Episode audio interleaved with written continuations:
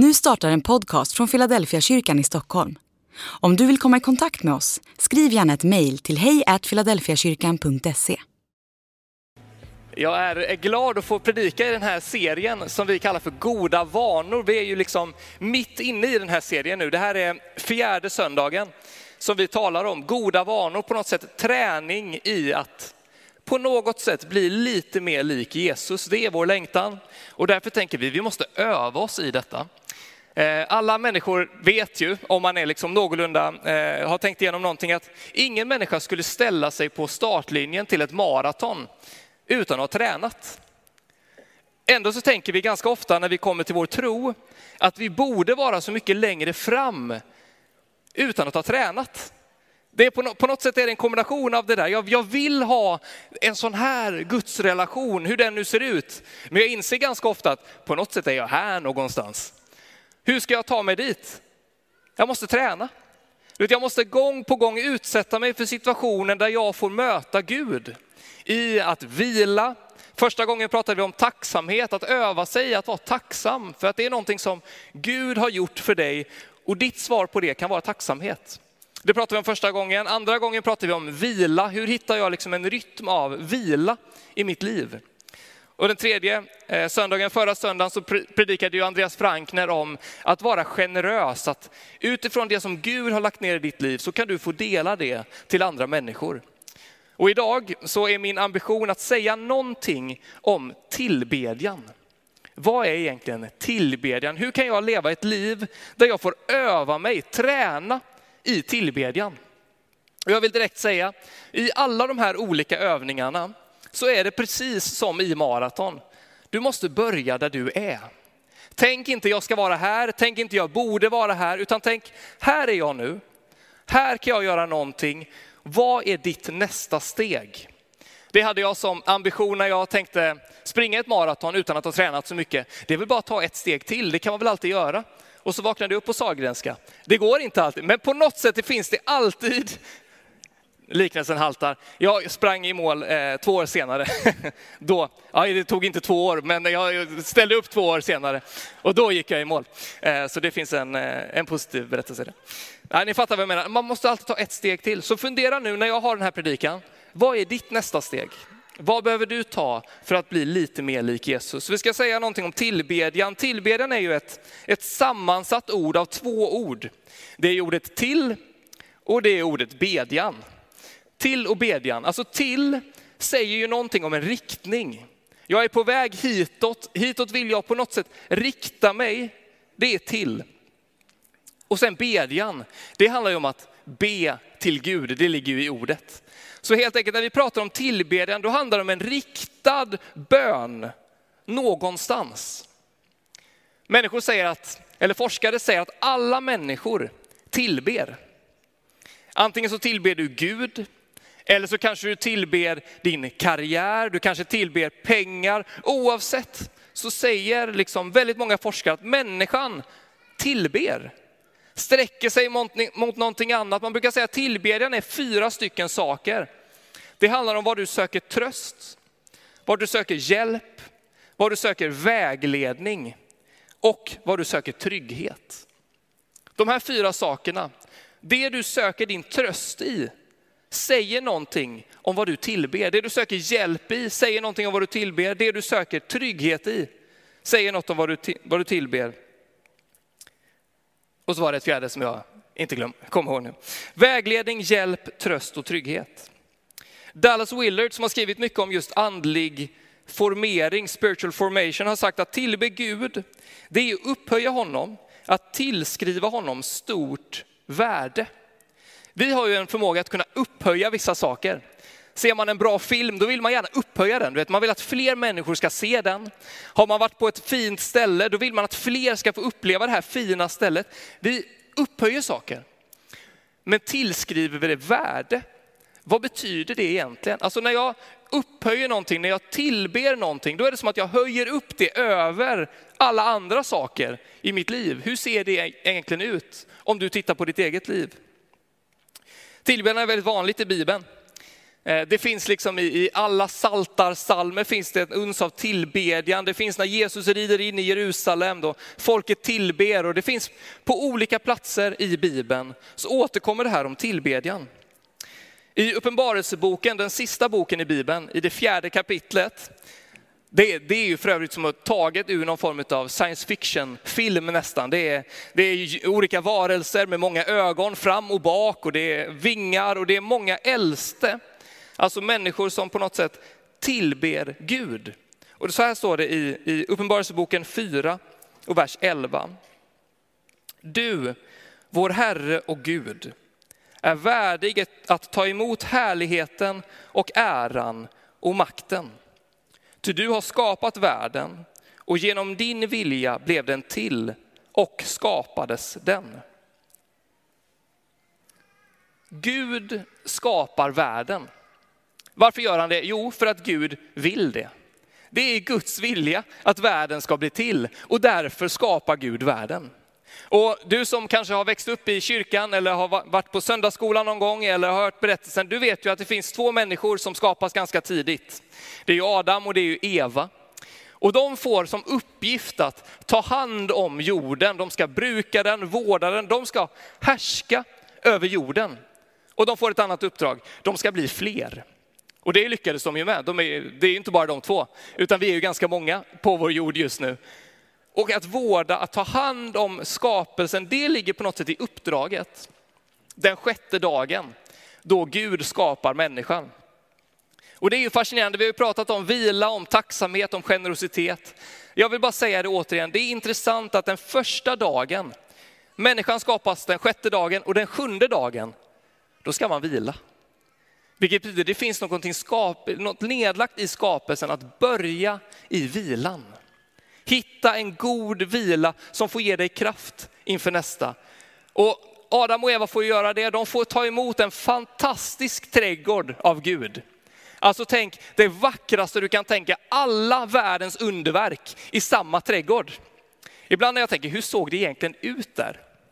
Då brukar jag bli personlig, så brukar jag tänka, det är nog ungefär som när det var som allra vackrast hos min farmor och farfar på deras liksom, stuga uppe i Sälen. Eller när man är en sån här fin vik med båten och det bara är så här spegelblank. Allt det där tillsammans, det är paradiset. Jag tror inte vi riktigt, riktigt kan förstå hur det är. Men det är fantastiskt. Gud ger det till människan. Gud i sin generositet ger detta till människan. Vad blir responsen? Jo, tacksamhet. Jag får leva i, det här, i den här världen, jag kan se vad Gud har gjort. Men mitt första uppdrag, det är att vila. Alla de här tre veckorna som vi har pratat om, generositet, tacksamhet och vila, det finns också i skapelseberättelsen. Men det finns också tillbedjan. Vadå? Jo, för i varje paradis brukar man ju säga, så finns det ju en orm. Och ormen har ju inte fått något gott rykte. Det är sällan, ja det finns ju vissa som, som gillar ormar, jag har aldrig riktigt förstått mig på det. Ehm, men, men det är ju en annan historia. Ormen har ju sällan fått liksom ett, ett gott rykte. Varför då? Jo, för att ormen luras. Ormen kommer med och vilseleder, ormen försöker splittra det som Gud har skapat. Och ganska snabbt så kommer ormen in och börjar prata med, med Adam och med Eva. Och han, han säger, jo men det här, det här trädet vet, som Gud har sagt att ni inte får äta av, det är inga konstigheter. Ät av det, du vet, ni blir som gudar, ni får kunskap om gott och ont. Det vill ni väl ha? Och, och människan inser att ja, det, det vill vi ju ha. Alltså det, vi, vi bor på världens vackraste plats, vi har allt som vi egentligen behöver. Men vi vill ha lite mer. Vad är det som händer i den här berättelsen? Jo, det blir ju så att ormen börjar ju vägleda människan. Det skapade börjar vägleda människan istället för skaparen. Det blir ett skifte där. Gud som levde med människan, Gud som skulle tillbes. Istället så blir det ormen som börjar tala in i människans liv. De börjar resonera och, och ormen blir liksom ledare för Adam och Eva. Människan tillber det skapade istället för skaparen. Och då kommer synden in i världen. Det som Gud inte ville händer när, när människan av fri vilja väljer bort för att lyssna till det skapade. Det handlar om tillbedjan. Vad låter jag tala in i mitt liv? Vad låter jag prägla mig? Vad vägleder mig? Jag inser Adam och Eva, de lät ju ormen vägleda. Och det leder till syndafallet.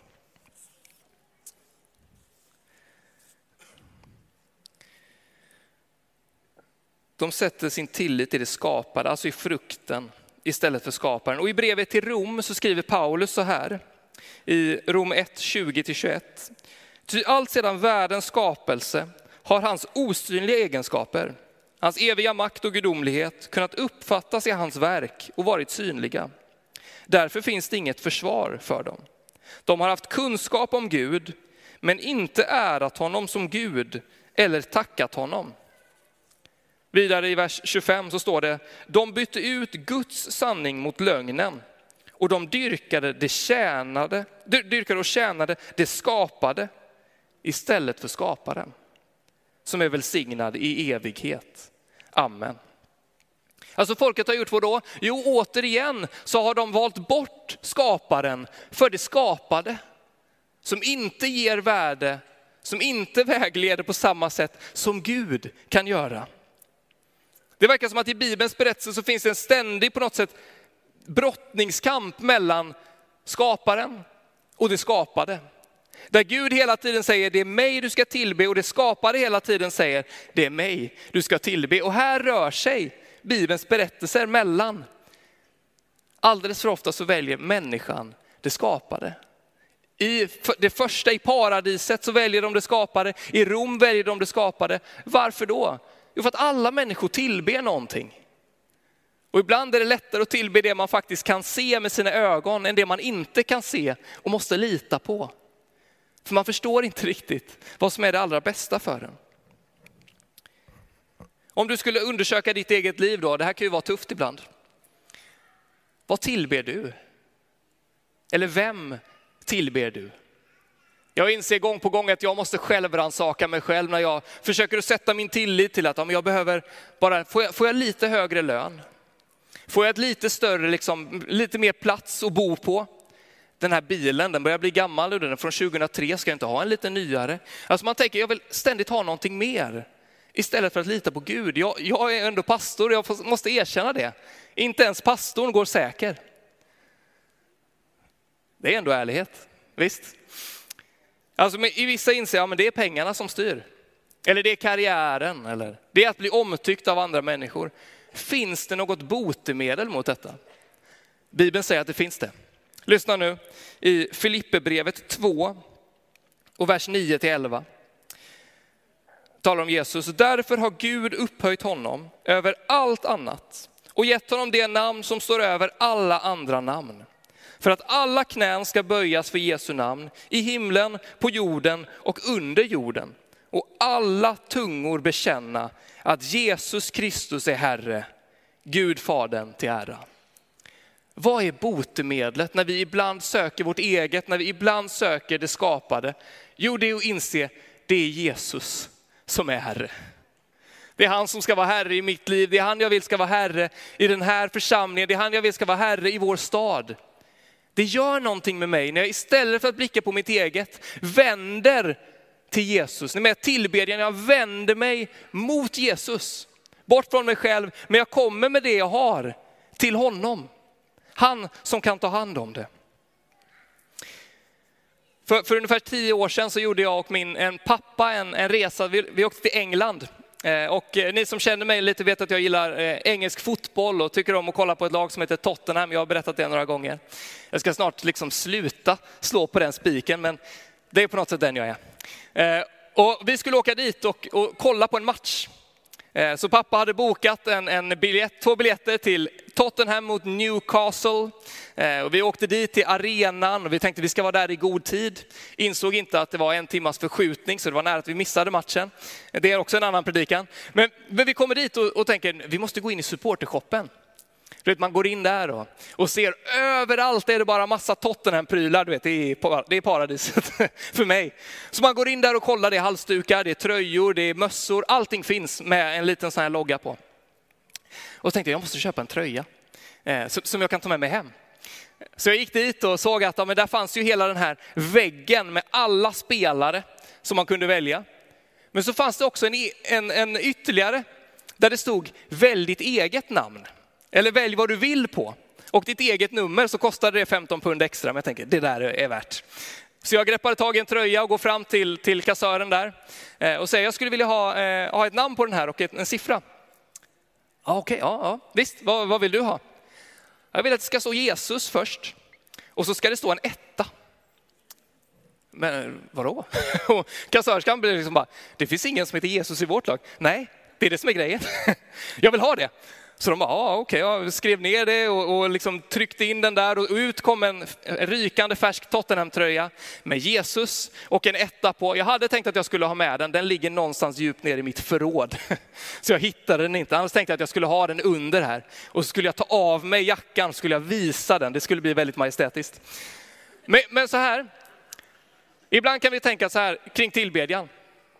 Är det då fel att, att gilla fotboll? Eller är det fel att ha intressen? Är det fel att resa till olika länder? Nej, det är inte alls fel. Så länge du vet vem som är etta i ditt liv. Eller hur? Alltså vet du att Jesus är den som ytterst sett definierar vem jag är. Då låter jag inte en förlust som Tottenham ibland råkar ut för påverka hela min dag. För jag vet, jag har inte mitt värde där. Den jag tillber är inte ett lag, det är en person, det är Jesus själv. Det var därför jag ville säga när jag var 20 år då, att det här, det här ska jag leva i och det här ska jag tro på, det här ska jag ägna mitt liv åt. Därför är Jesus är etta i livet. Det är han jag vill ska definiera, inte det skapade, utan skaparen.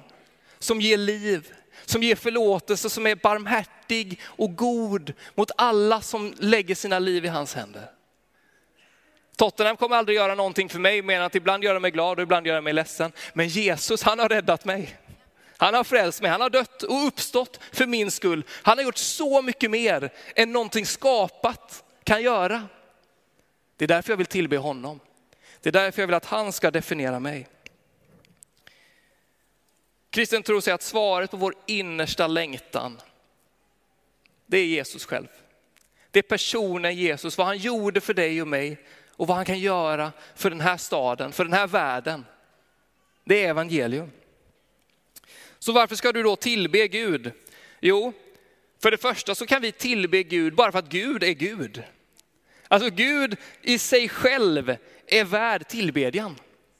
Du kan också tillbe Gud för vad Gud har gjort för dig. Att han sände sin son till världen, att Jesus dog på korset, att han gick ner i graven, men på tredje dagen uppstod från de döda. Därför kan du tillbe Gud. Du kan också tillbe Gud för att på något sätt ställa ordningen rätt i ditt liv. Vi har ju alla olika ordningar i vårt liv. Ibland så blir det stökigt. Ibland så hamnar vi fel, ibland så blir det inte så som vi har tänkt oss. Jag inser när jag tillber Gud, då är det som att jag ställer ordningen rätt i mitt liv. Det som tidigare har blivit fel, det får jag lämna till Gud, det kommer han ta över. Och så får jag blicka mot honom och säga, jag tror att det finns en fantastisk framtid framför. Det är tillbedjan. Vad sätter du ditt hopp till? Vart söker du tröst? Vad vägleder dig och vad ger dig trygghet? När jag gifte mig för, för två år sedan med min fru, då fick jag en, eh, en klocka av min pappa. Eh, som ser ut så här, den har jag nästan på mig varje dag. Det är en, en gammal klocka eh, som man måste så här vrida upp varje dag, annars stannar den. Det finns ingen, inget batteri, jo det finns väl någon form av batteri, men det är uppdragningsbart hela tiden. Så varje morgon så måste jag sätta mig med den och så måste jag vrida upp den för att den ska gå rätt. Du vet tillbedjan, det handlar om att vrida upp sin klocka, sitt livs klocka. Och vad händer då? Jo, jag vet inte om du hör det, om jag håller den här mot. Om man kommer riktigt nära, då hör man hur det tickar i den här klockan. Det går i takt hela tiden. När jag vrider upp den, när jag tillber Gud, då är det som att jag vrider upp mitt livs klocka till vad då? Jo, att gå i takt med Guds Liksom, Guds tanke med mitt liv, med Guds tanke för den här världen. Jag inser när jag vänder mig till Gud, då ställs ordningen rätt.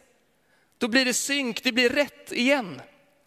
Där finns ju att jag måste ständigt komma tillbaka, jag måste ständigt vrida upp min klocka. Jag måste också ständigt komma tillbaka till att tillbe Gud. För då händer någonting, jag hamnar i takt. Jag kommer till en plats där Gud vill att jag ska vara. Inte kanske den här världen, utan där Gud vill att jag ska vara. Jag hamnar i Guds takt. Kanske ska du testa den här söndagen att vrida upp. Du vet att göra den här synundersökningen så att du ser lite klarare, att vrida upp din klocka så att du hör takten från Gud. Oavsett vilken bild du vill använda, när vi gör det, då blir det rätt. Och det blir mycket bättre. Kristen tro, jag går mot min avslutning, kristen tro är många gånger tvärt det som vi tänker idag. Du vet, vi tänker, jag ska tillbe någon med makt. Kommer det någon med stor pondus, stor auktoritet, då är det honom som jag vill komma bakom. Det är honom jag vill tillbe. Kristen tro säger att den du ytterst sett ska tillbe, det är ingen krigsherre, det är ingen liksom man som kommer med pansarvagnar. Nej, den du ytterst sett ska tillbe, liksom forma ditt liv runt, det är ett lamm. Så här säger också Johannes i Uppenbarelseboken. Och de sade med hög röst, lammet som blev slaktat är värdigt att ta emot makten och få rikedom och vishet och styrka och ära och härlighet och lovsång. Och allt skapat i himlen och på jorden och under jorden och på havet och allt som finns där hörde jag säga, den som sitter på tronen, honom och lammet tillhör lovsången och äran och härligheten och väldet i evigheters evighet. Och de fyra varelserna sa Amen. Och de äldste föll ner och tillbar. Ska du säga amen? Alltså när vi ställer ordningen rätt, när vi inser det som jag låter definiera mig, dit jag kommer för att söka tröst och jag inser den godhet som finns hos Gud. Vad blir min respons då? Jo, precis som de äldste. Jag hamnar här nere, på knä inför Gud. Och inser det är här som jag vrider upp min klocka. Det är här jag ställer ordningen rätt. Det gör jag inte av att liksom knyta mina händer, utan snarare att öppna dem och säga, Gud, du är värdig all ära. Därför tänker jag, det är här jag vill vara varje gudstjänst när vi tillber Gud. Det är här jag vill egentligen vara varje dag. Varför då? För att ordningen ska bli rätt. För att det ska bli så som Gud har tänkt, att vi ska tillbe skaparen, inte det skapade. Du ska få lyssna på en, på en sång nu. Som talar om tillbedjan, ett liv av tillbedjan. För jag är så tacksam att när, när livet är mörkt, då får jag tillhöra en Gud som har varit där det var som allra mörkast. Att när jag inte vet vart jag ska gå, då får jag lita på att den heliga ande finns inom mig och vägleder mig framåt. Jag är så tacksam att när jag lider, när jag tycker att livet är jobbigt, då vet jag att Jesus har gått hela vägen. Varför då? För att han älskar mig så. Vad blir min respons? Jo, men det blir ett liv i tillbedjan. Ett liv av att säga, det är du som får tala in i mitt liv. Så lyssna på den här sången. Gör den till en bön i ditt liv att låta Gud få tala in i ditt liv. Sen kommer jag komma upp efteråt och öppna förbönsplatserna. Men lyssna på den här sången.